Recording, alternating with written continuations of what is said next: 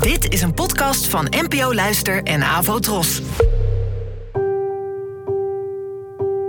Poëzie vandaag. Met Ellen Dekwits.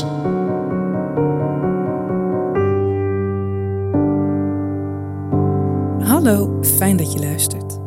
Het gedicht van vandaag heet Er zijn uren en werd geschreven door de Nederlandse dichter Toon Tellegen, geboren in 1941.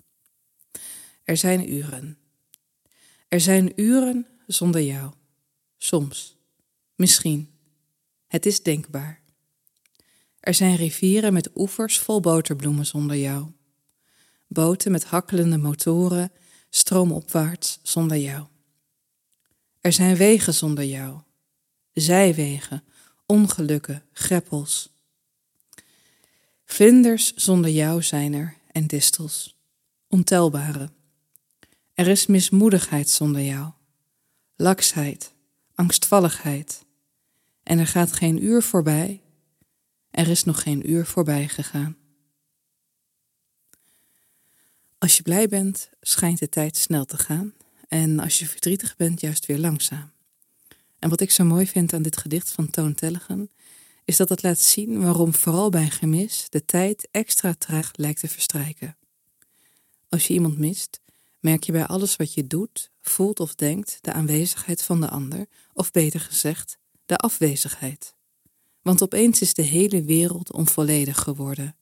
Overal waar je de ander had gewenst, zoals aan de oever tussen de boterbloemen in dit gedicht, op weg of tussen vlinders, hij of zij is er niet meer. En dat levert in het geval van dit vers een opsomming op van alles dat er is, dat er nog steeds bestaat, ondanks de absentie van de ander. Waardoor de ander niet alleen nog meer wordt gemist, maar er ook steeds meer lijkt te zijn waar hij of zij er niet meer is. En daar word je bij ernstig gemis zo regelmatig mee geconfronteerd dat de tijd op een zeker moment slechts vooruit lijkt te kruipen. Zo druk ben je bezig met telkens weer te beseffen dat je wereld incompleet is. Bedankt voor het luisteren en tot de volgende keer. Abonneer je op deze podcast via de gratis app van NPO Luister. Daar vind je ook een handig overzicht van het complete podcastaanbod van de NPO.